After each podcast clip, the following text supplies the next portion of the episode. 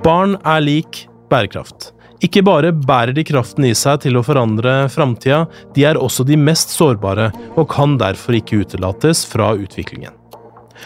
UNICEF anslår at en milliard barn påvirkes av selskapers globale verdi- og leverandørkjeder. I tillegg til direkte påvirkning som skadelig barnearbeid, så har foreldres arbeidsforhold direkte innvirkning på barnas liv. I dagens episode skal vi derfor se nærmere på bærekraftsmål nummer åtte, om anstendig arbeidsliv og økonomisk vekst. Vi skal lære mer om arbeidslivets klimauke, og utfordre våre gjester på hva arbeidsgiver- og arbeidstakerorganisasjonene kan gjøre når det gjelder klima. Dagens gjester er klimarådgiver i LO, Anne Beth Skrede, og Camilla S. Gramstad, som er ansvarlig for miljø og CSR, altså samfunnsansvar, i Virke. Mitt navn er Kim Gabrielli, og jeg er assisterende generalsekretær i FNs barnefond, UNICEF Norge. Vårt oppdrag er at hvert barn får overleve, vokse opp og får sine rettigheter innfridd.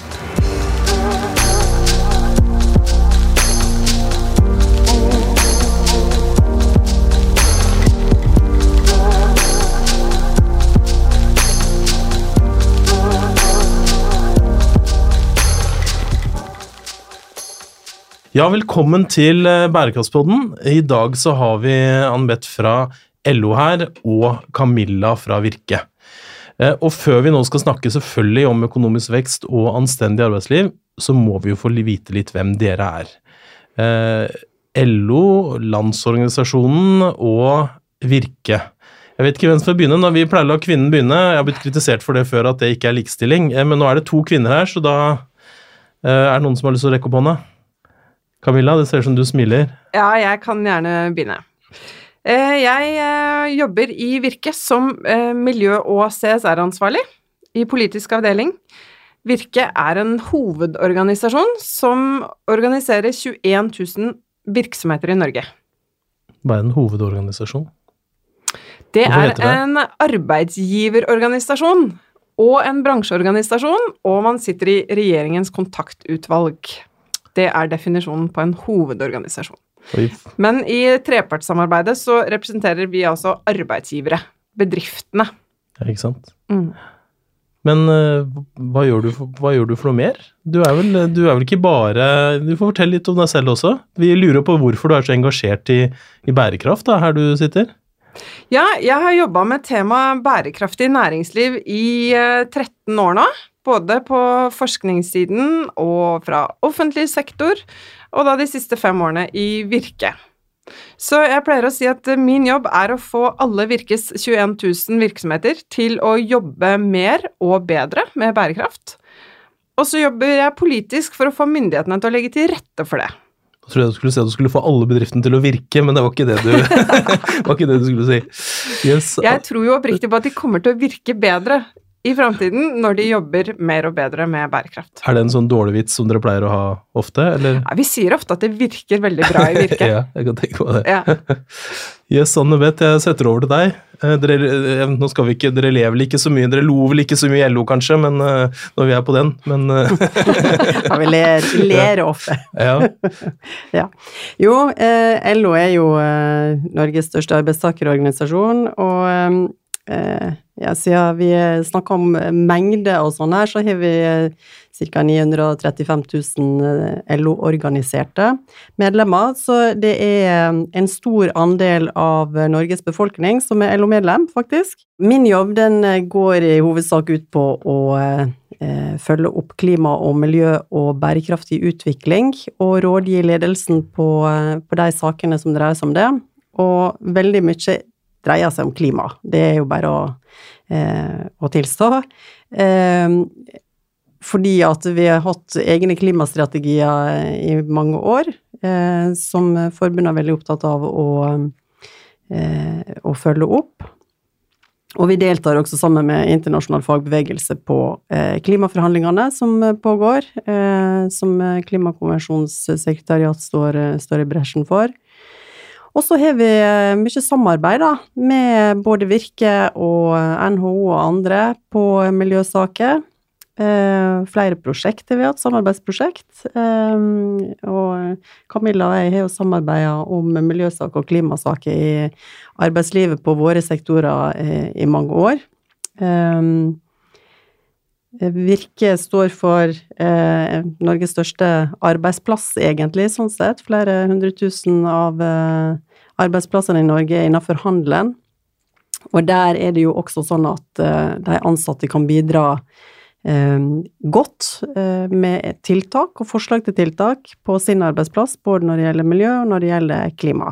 Så det har vi eh, hatt et veldig bra samarbeid på. Det høres jo veldig bra ut at, vi, at liksom, her er det god stemning i studio, som dere hører, mellom arbeidsgiver- og arbeidstakerorganisasjonene i Norge. Eh, men jeg er litt nysgjerrig, for hva er Virke og NHO? Dere er begge to arbeidsgiverorganisasjoner, ikke sant? Eller hvordan er det? Ja, ja. Både Virke og NHO mm. er arbeidsgiverorganisasjoner. Eh, NHO har tradisjonelt eh, organisert industri, olje og gass, eh, store foretak. Um, Virke organiserer Eller før så var Virke kjent som HSH, handel og servicenæringenes uh, hovedorganisasjon. Så vi organiserer resten. Ikke, ja, ikke industri, ikke olje og gass, men resten av de tjenesteytende næringene i Norge.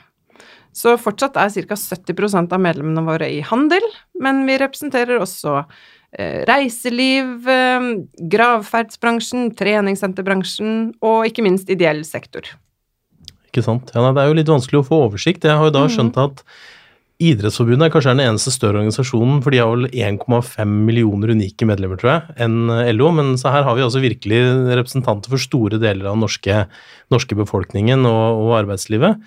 Eh, vi skal jo da snakke om økonomisk vekst, og vi skal snakke om anstendig arbeidsliv, som er de to hovedpilarene, om vi kan kalle det, og selvfølgelig som en del av det, eh, omstilling i bærekraftsmål nummer åtte.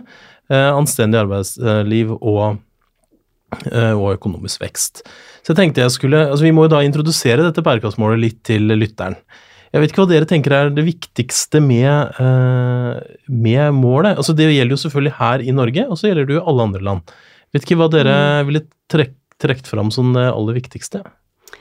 Så når det gjelder bærekraftsmål 8, så er det anstendig arbeid-målet eh, sett i, i våre øyne. Det er det som vi på en måte har dratt fram som et av de viktigste som LO skal jobbe med.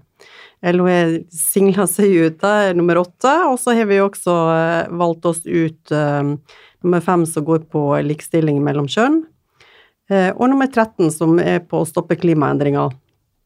Eh, og disse tre sammen eh, lager fundamentet for hvordan vi skal jobbe med alle bærekraftsmåla.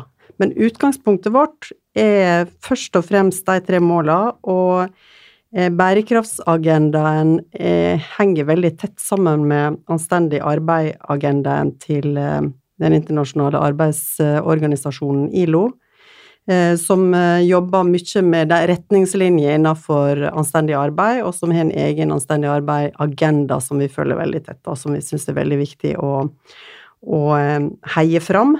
Det er viktig også i Norge, selv om vi syns at vi har mye på stell i Norge, for det har vi jo, så er det fremdeles sånn at det er ingen rett er vunnet for evig tid, så en er nødt til å passe på, og er nødt til å gå videre og jobbe videre for å opprettholde både eh, det som en klarte å forhandle seg fram til, eller endringene i lovverket, eller hva det skal være, enten det er arbeidsmiljølova eller andre.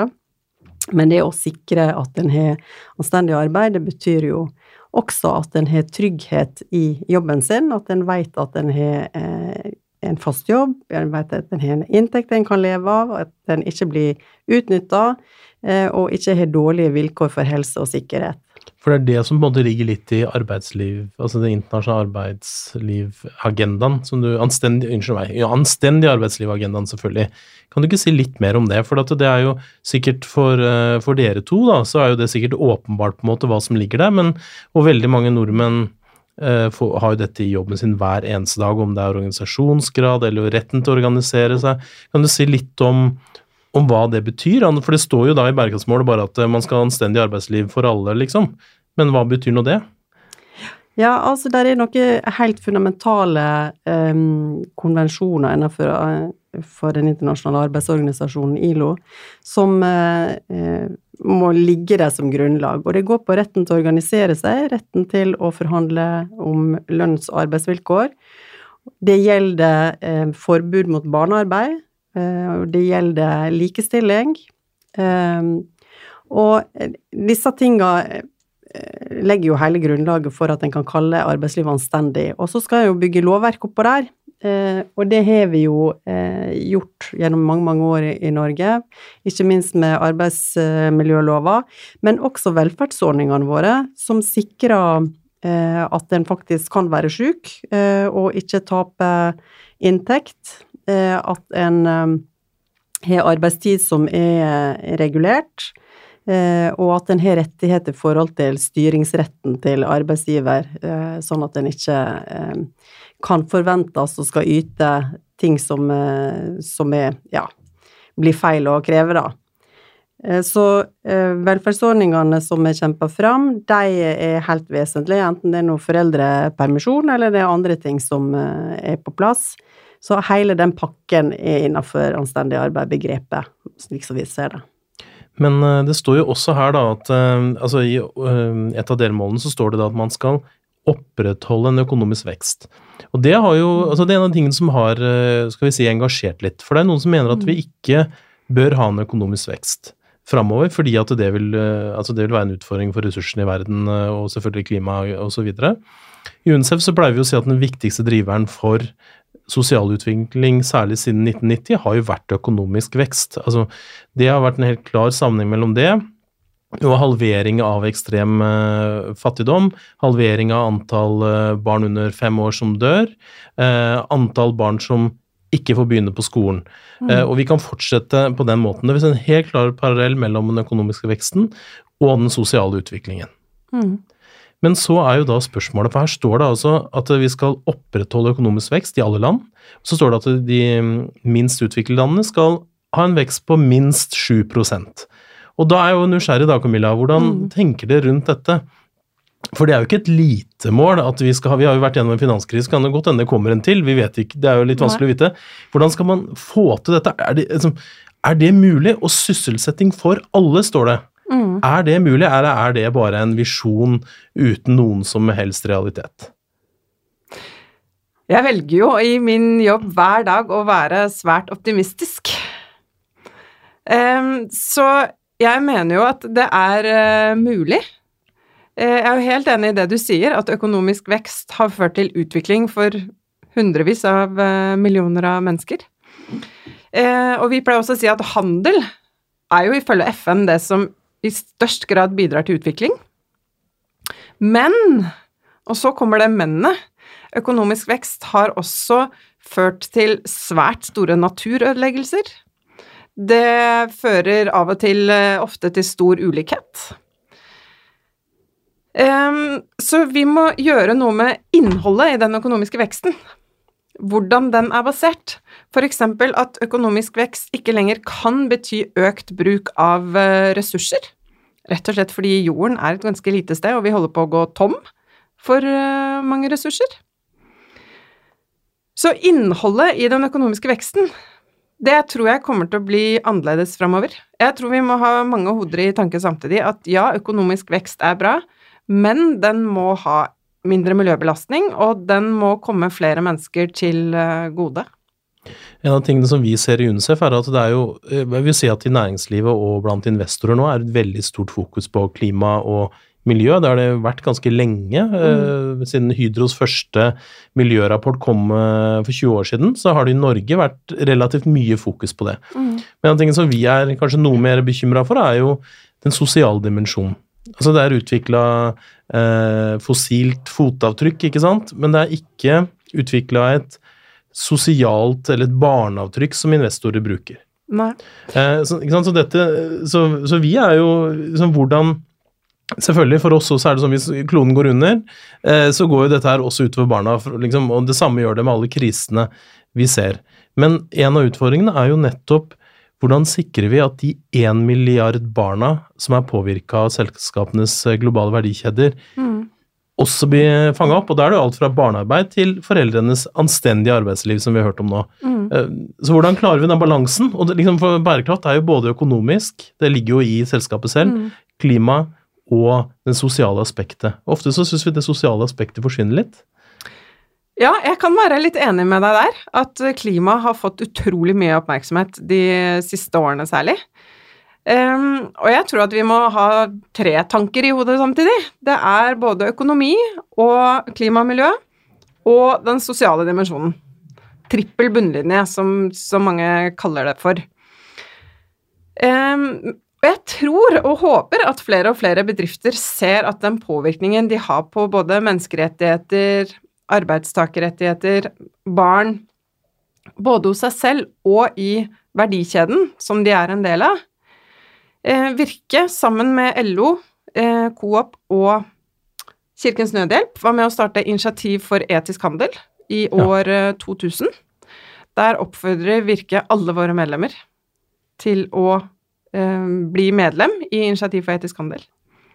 Eh, Jeg sitter i regjeringens eh, utvalg som skal vurdere en ny etikkinformasjonslov. Eh, Der er også LO representert. Det skal leveres sitt forslag før jul. Eh, Og da kan vi komme til å se nye reguleringer som gjør at bedrifter må eh, opplyse om hvordan de jobber med menneskerettigheter og anstendige arbeidsforhold i leverandørkjeden sin. Og dette er jo veldig spennende, for så vidt jeg vet, så er det den eneste Det vil da Norge bli et av de få landene i verden som har en sånn type lov. En antikk informasjonslov som er, blir da såpass presis, er ikke det riktig? At man, eh, altså, det blir mye større krav til den informasjonen man da må utlevere? Altså forutsatt da at eh, det blir Ja. noen sterke reguleringer i den loven, det vet vi jo ikke helt mm. ennå, men uh... Ja, vi har jo sett at både England og Frankrike, og nå sist Australia, har fått en lov som de kaller moderne slaverilov. Mm. Eh, Dette oppdraget som Etikkinformasjonsutvalget skal vurdere nå, er ja, delvis overlappende med det. Eh, Men det klart, det går lenger, gjør det ikke det? Eller eh, jo, den Jo, for det er i hvert fall sånn sånn det ble på- fremstilt av utvalget selv, så det er jo interessant. Ja. Eh, ja. Jo, det gjør nok det. Ja. Men om hva slags type informasjon, om den skal At man skal være pliktig til å ha den, eller bare gi den på forespørsel, eller hva slags sanksjonsmuligheter som eventuelt kommer. Det er veldig mange interessante spørsmål vi har i dette utvalget. Men det er jo kanskje litt motsatt hos dere i LO. eh, At der har det selvfølgelig vært veldig mye fokus på det sosiale aspektet, naturlig nok. Men eh, klima, er det noe nytt for LO i, på en måte? Nei, absolutt ikke noe nytt. Eh, Jeg sjøl har jobba med dette her i ti år i LO, eh, og når jeg begynte, så eh, blei jeg eh, gjort oppmerksom på at eh, LO Aktuelt, som er da et medlemsmagasin som fagbevegelsen har hatt i halve år, som jeg sier, hadde altså en, en stor serie for 25 år siden som gikk på lokal agenda og klima og hvordan skal, skal fagbevegelsen bidra og så. Og det tenkte jeg det syns jeg var veldig greit å se, fordi at det har vært på, eh, vært på agendaen hos oss eh, lenge.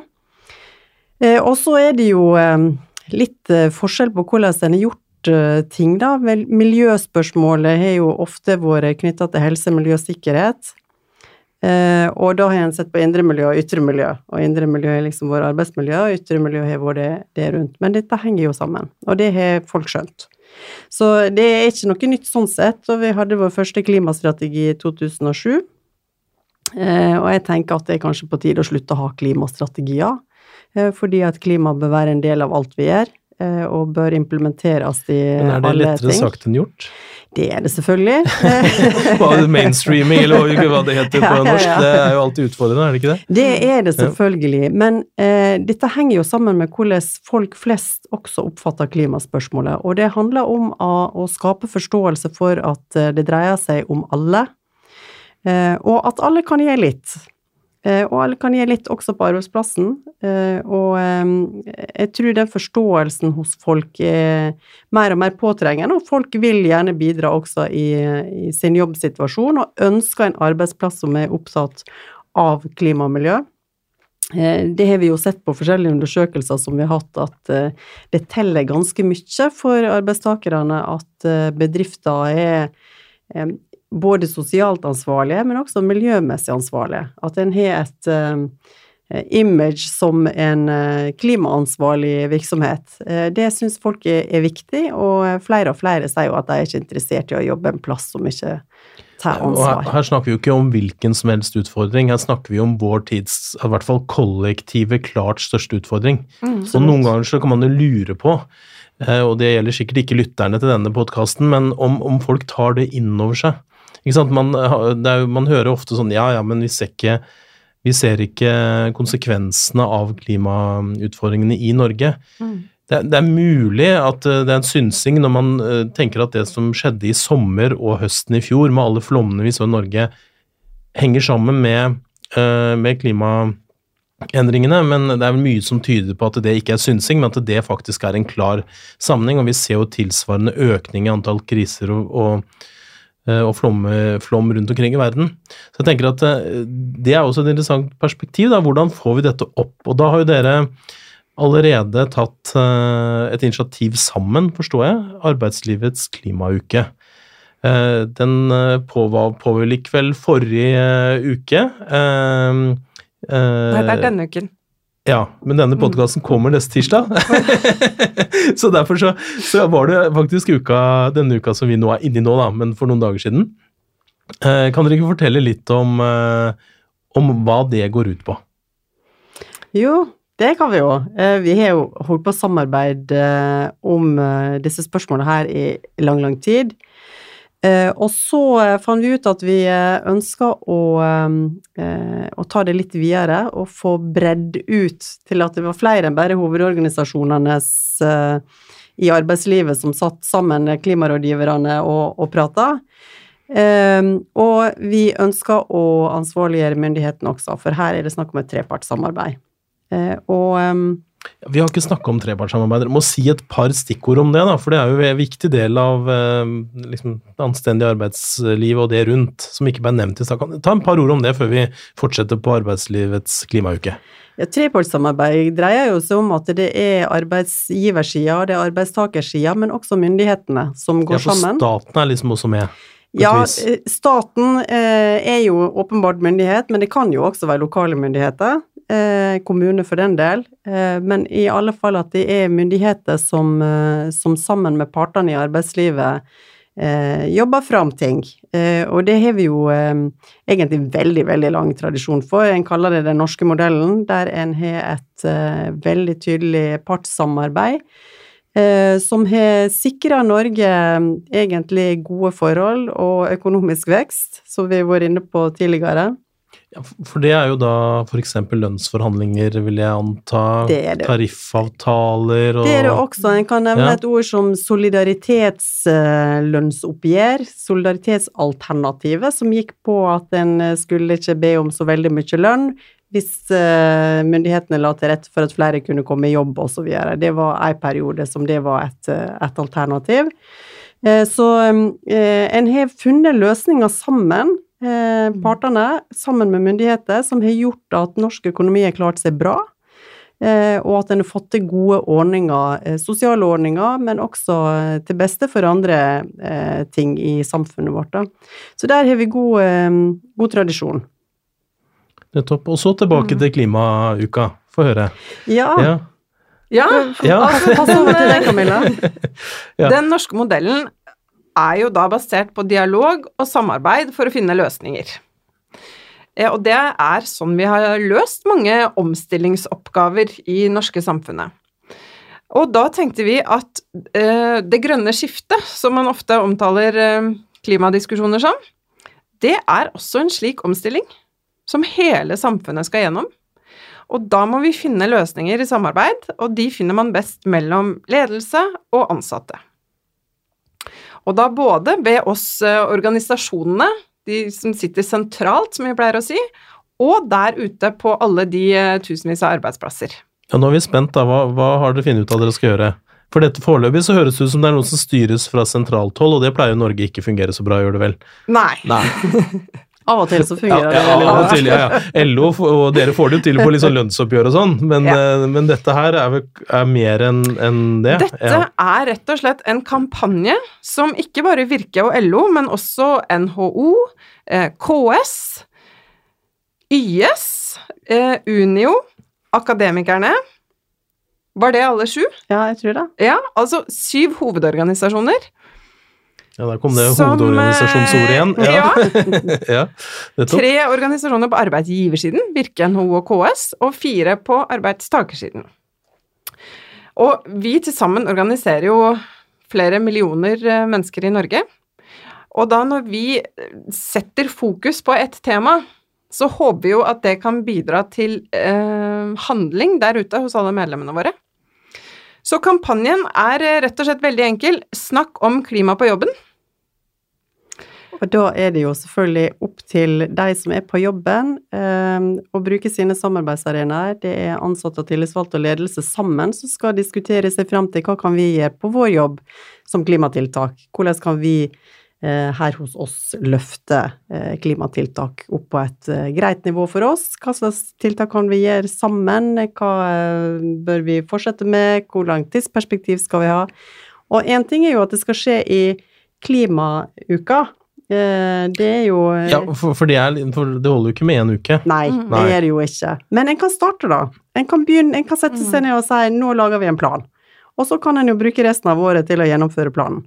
Ja, ikke sant, for det er ikke sånn uh, World Earth Day eller hva det heter, hvor man slår av lyset en dag, og så er man liksom fornøyd med det. Her, er- her, her skal man bruke den uka til å komme med For, jeg- venter fortsatt på sånn konkrete ting. Hva er det Ja. bedriftene gjør? Vi har laget en eh, nettside som Ja. heter arbeidslivetsklimauke.no, hvor vi har samlet veldig mange gode tips og råd om hva man kan gjøre, rett og slett. Liksom miljø- og klimaarbeid, det kan være fra nettopp å slå av lyset eh, på kontoret til å utvikle helt nye produkter og tjenester. Tenk på den innovasjonen elbilen egentlig er, f.eks. for eksempel. Så tiltak kan gjøres på veldig mange forskjellige nivå, men vi tror at alle kan gjøre noe. Så vi har samlet mange gode tips og råd, fordi vi vet at det er mange virksomheter som ikke har kommet så langt i dette arbeidet. Det er et veldig stort sprik. Eh, mange virksomheter jobber kjempegodt, har klima- og bærekraft- og miljøstrategier. Andre har ikke kommet så langt. Og denne kampanjen eh, prøver jo å rette oss mot alle. Norsk arbeidsliv består av veldig mange små og mellomstore virksomheter som gjerne ikke har egne folk til å jobbe med bærekraft, miljø og klima.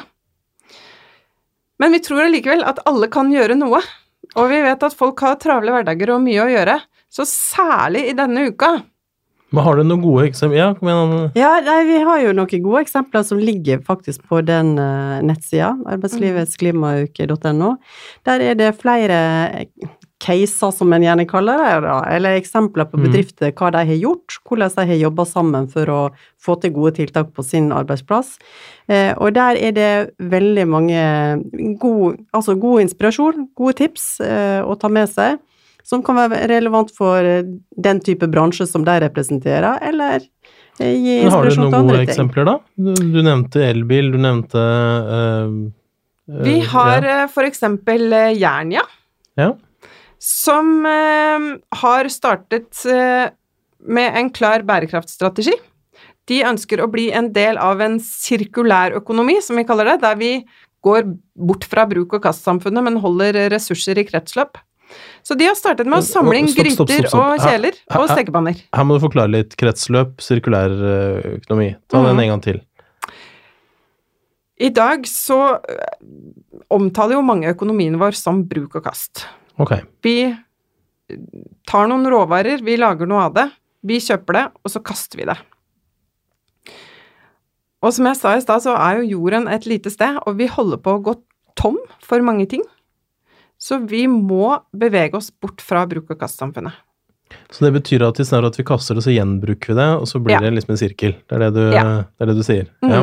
Og gjerne så kan jeg legge til at uh, avfall det er ressurser på avveie. En skal Mm. ikke kaste ting, en skal sørge for at en kan ta fra hverandre ting og bruke uh, innsatsfaktorene, altså råvarene og ressursene, på nytt inn i produkt.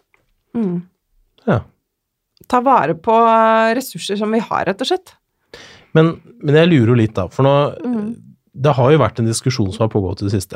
Nå klarer kanskje Virke å lure seg unna den, siden ikke dere har noen i olje- og gassindustrien hos dere. Men det er jo For at nå snakker dere om at de sier det er ulike utfordringer i ulike bransjer. Og så har jo da Espart Eide vært ute og kommet med noen nye ideer, og så har Jonas Gahr Støre sagt at vi får vente neste stortingsperiode med, med nye ideer, og så har det jo skapt eh, engasjement både på høyre- og venstresida, kan man jo si, eh, og i LO eh, også. Eh, blir ikke disse tiltakene du snakker om her veldig små, sammenligna med alle de store utslippene som Norge kanskje ikke har i Norge på olje- og gassektoren, men som jo da først kommer når det forbrennes i et, annet, når petroleum forbrennes i et annet land. da. Hvordan henger dette sammen? Uh, Vi må jo ha alle tiltakene. Det er jo ikke nok å gjøre bare én sektor eller én bransje. Her, disse oppgavene er så store, den utfordringen er så stor at alle må bidra. Så på alt en kan. Og det må selvfølgelig oljenæringa gjøre også. Um, og nå tenker jeg at uh, den debatten som Espen Barth Eide har dratt opp, ønsket ønsker om å, å diskutere hvordan uh, oljeselskaper skal fungere, og hvordan de skal gjøre virksomheten sin framover, er viktig å, debattere. Det er vi jo enig i, fordi vi vet jo alle at her er det ei stor omstilling som skal skje. Og vi snakker gjerne om at vi vil ha ei rettferdig omstilling. Det betyr at arbeidstakerne må få være med på å ta del i planlegginga av hvordan den omstillinga skal skje. Eh, og så kan en jo si at kanskje det skal ta lang tid før eh, en slutter helt med oljeproduksjon. Ja vel, so what, er jo på en måte spørsmålet, eller svaret da i forhold til rettferdig omstilling. Fordi at eh, planlegginga på hvordan det skal skje, må, må starte, skulle ha starta for lenge siden, egentlig. Um, jeg syns det er flott at Arbeiderpartiet vil, vil, ta den debatten, og jeg oppfatter vel ikke at det ble avvist, men nå er det engang sånn i alle organisasjoner, også parti, at eh, når en har et landsmøtevedtak på noe, så må en forholde seg til det helt til neste landsmøte. så nå skal jo Arbeiderpartiet snart ha landsmøte, så vi får jo se om de kanskje kommer fram til noe ny politikk på området. Det kan jo hende. Mm. Og så har jeg lyst til å si at Eh, omstillinga av eh, petroleumssektoren gir jo også store muligheter for Norge. Vi har høy kompetanse, veldig flinke og dyktige folk og en god, eh, godt organisert eh, sektor som vi trenger å ta med oss videre. Og det er mye vi kan bygge på skuldrene til den sektoren, eksempel karbonfangst og -lagring, som kan bli ei stor, ny omstillingsnæring for Norge. Ikke på, nødvendigvis på innenfor olje- og gassektoren, men for industriproduksjon. Vi trenger å samle sammen uh, CO2-utslippene fra industriproduksjon av sement, av metaller og andre ting, og av søppelforbrenning, sånn som en har planer om i, i, Oslo, på Klemetsrud søppelforbrenningsanlegg. Det er superbra, og det kan gi titusener av arbeidsplasser. Og eh, det å se på eh, karbonfangst og -lagring, CCS som en gjerne kaller det, eh, og satse virkelig der, og ha det som en planlagt omstillingsnæring, det har vi veldig stor tro på. Mm. Ja, Camilla, hva tenker du? Eller dere? Jeg er helt enig med Anne Beth at uh, det er utrolig mye bra kompetanse som sitter i oljenæringa, og den tror jeg veldig mange andre i Norge uh, kommer til å dra nytte av. Uh, vi i Virke ser jo at det er i tjenestenæringene, handel- og tjenestenæringene, de som vi representerer, hvor det er vekst i antall arbeidsplasser. Og vi kommer til å trenge mange nye arbeidsplasser i Norge framover. Og jeg håper at eh, det ikke alltid blir en diskusjon om arbeidsplasser versus klima og miljø. Ja, for det er jo diskusjonen akkurat nå. Ja. Eh, og hvordan kan man tenke annerledes om det, da? For jeg tenker at nå er vi jo her i denne podkasten og prøver å komme med noen nye og gode ideer, så nå er jeg jo litt spent på noen, noen alternative måter å se det på, rett og slett.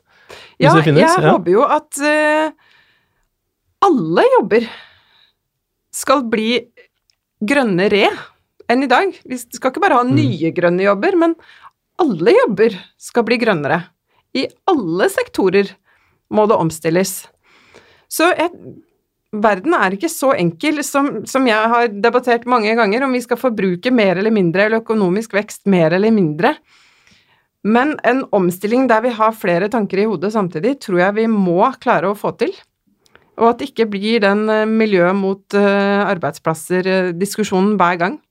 Men at da så flere og flere, og også LO, som nå sier at det er en omstilling.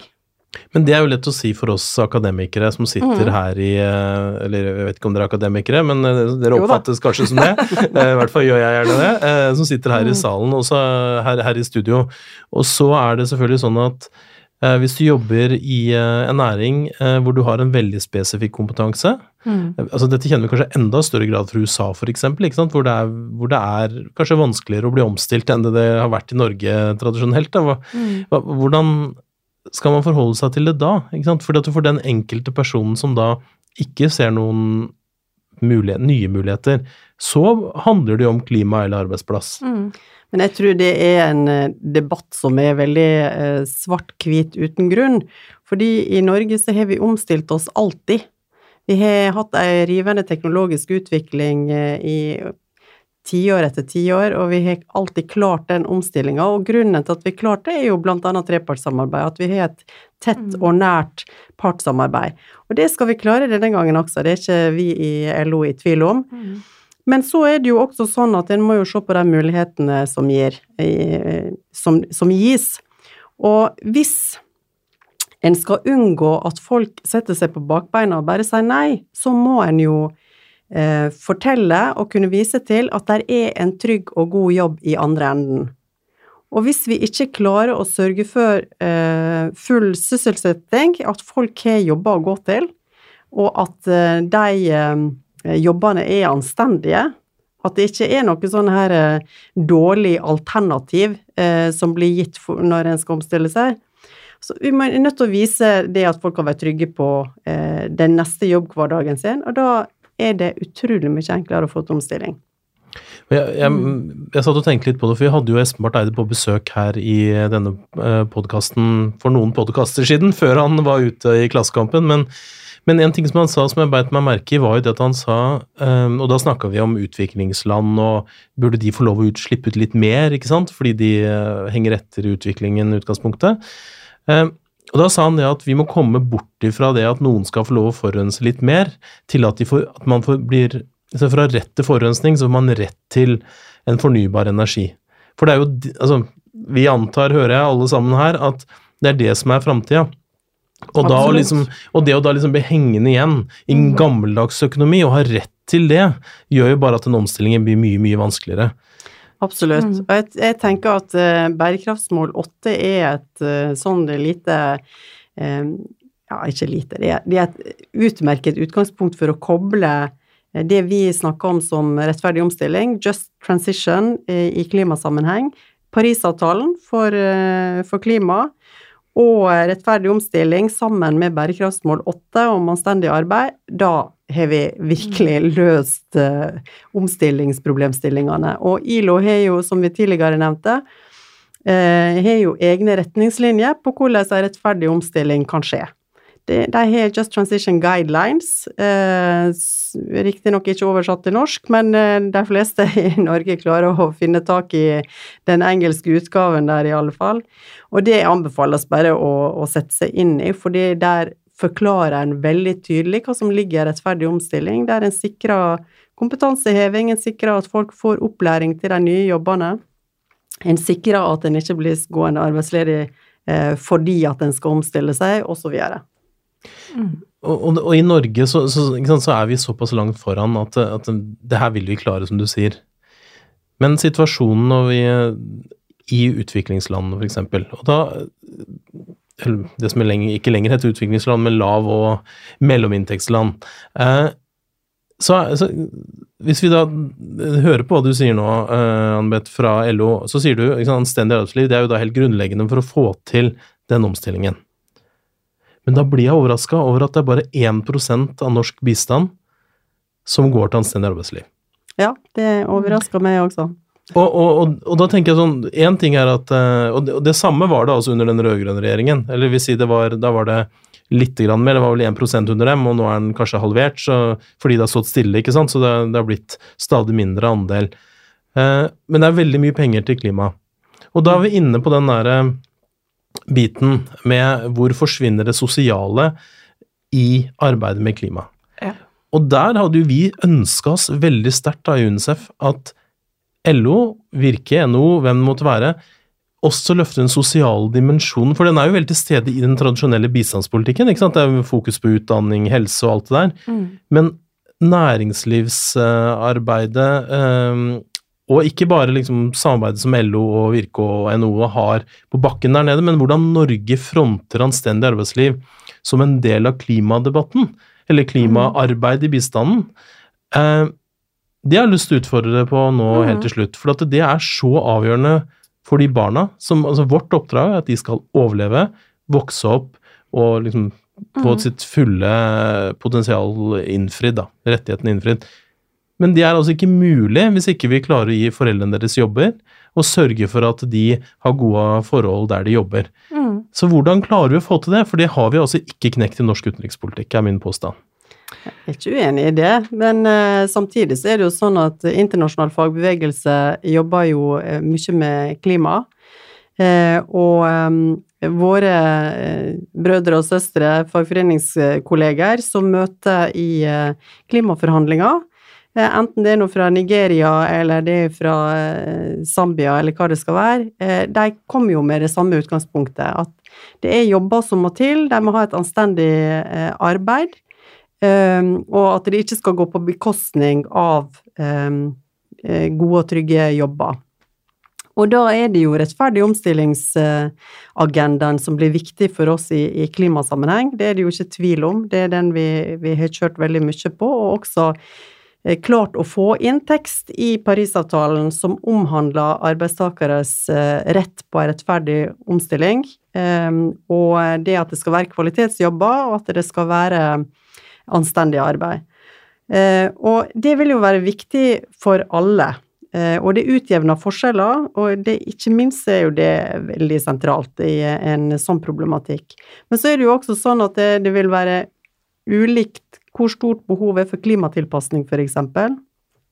Og enkelte land så er jo klimatilpasning en mye større eh, del av bevisstheten enn eh, at en skal utvikle teknologi for å, å fikse ting. Eh, og spesielt i, i, land i Afrika så ser en at flomvern, eh, også rett på ren energi, selvfølgelig, er sentrale element som kan gjøre Mm. livet bedre, men også kan gi jobber. Men hvordan, Jeg tenker jo at dere har en, også en rolle i ja, deres organisasjoner til å påvirke norske myndigheter i utenrikspolitikken. På en, en side er deres deltakelse i internasjonale samarbeid. En av utfordringene er jo f.eks. ILO er en ganske liten organisasjon når det gjelder programvirksomhet på bakken. Altså, UNICEF er en av de største FN-organisasjonene, har en mindre inntekt enn Rema 1000 har i Norge, i hele verden. Vi er til stede i 190 land. Mm. ILO er omtrent halvparten så stor tror jeg, i penger som, som UNICEF er. Det er klart at det er begrensa med kapasitet, ikke sant. Så hva, hva, sant? hva tenker du om det, Camilla? Altså, hvilken rolle kan vi tre, da, hvis du skal si det sånn, snakke med, ta overfor Utenriksdepartementet, f.eks.? For, for her må jo alle, alle må til for å Mm. gjøre et skippertak, tror jeg, da, på dette. Jeg tenker at uh, Birke har en uh, rolle ved å være en pådriver både overfor myndighetene og for alle våre medlemmer som lever av import fra veldig mange ja, utviklingsland. Og at den importen, eller både produksjon og import, skjer på anstendig vis. Det håper vi jo virkelig at medlemmene våre jobber mye med. Så har vi sittet også i Kompakt, som er Utenriksdepartementets ja, hva skal vi kalle det, råd for ansvarlig næringsliv. Fordi vi tror jo at næringslivet har en sentral rolle å spille i å oppnå alle bærekraftsmålene, egentlig. Så der må vi jo bare ta diskusjonen videre.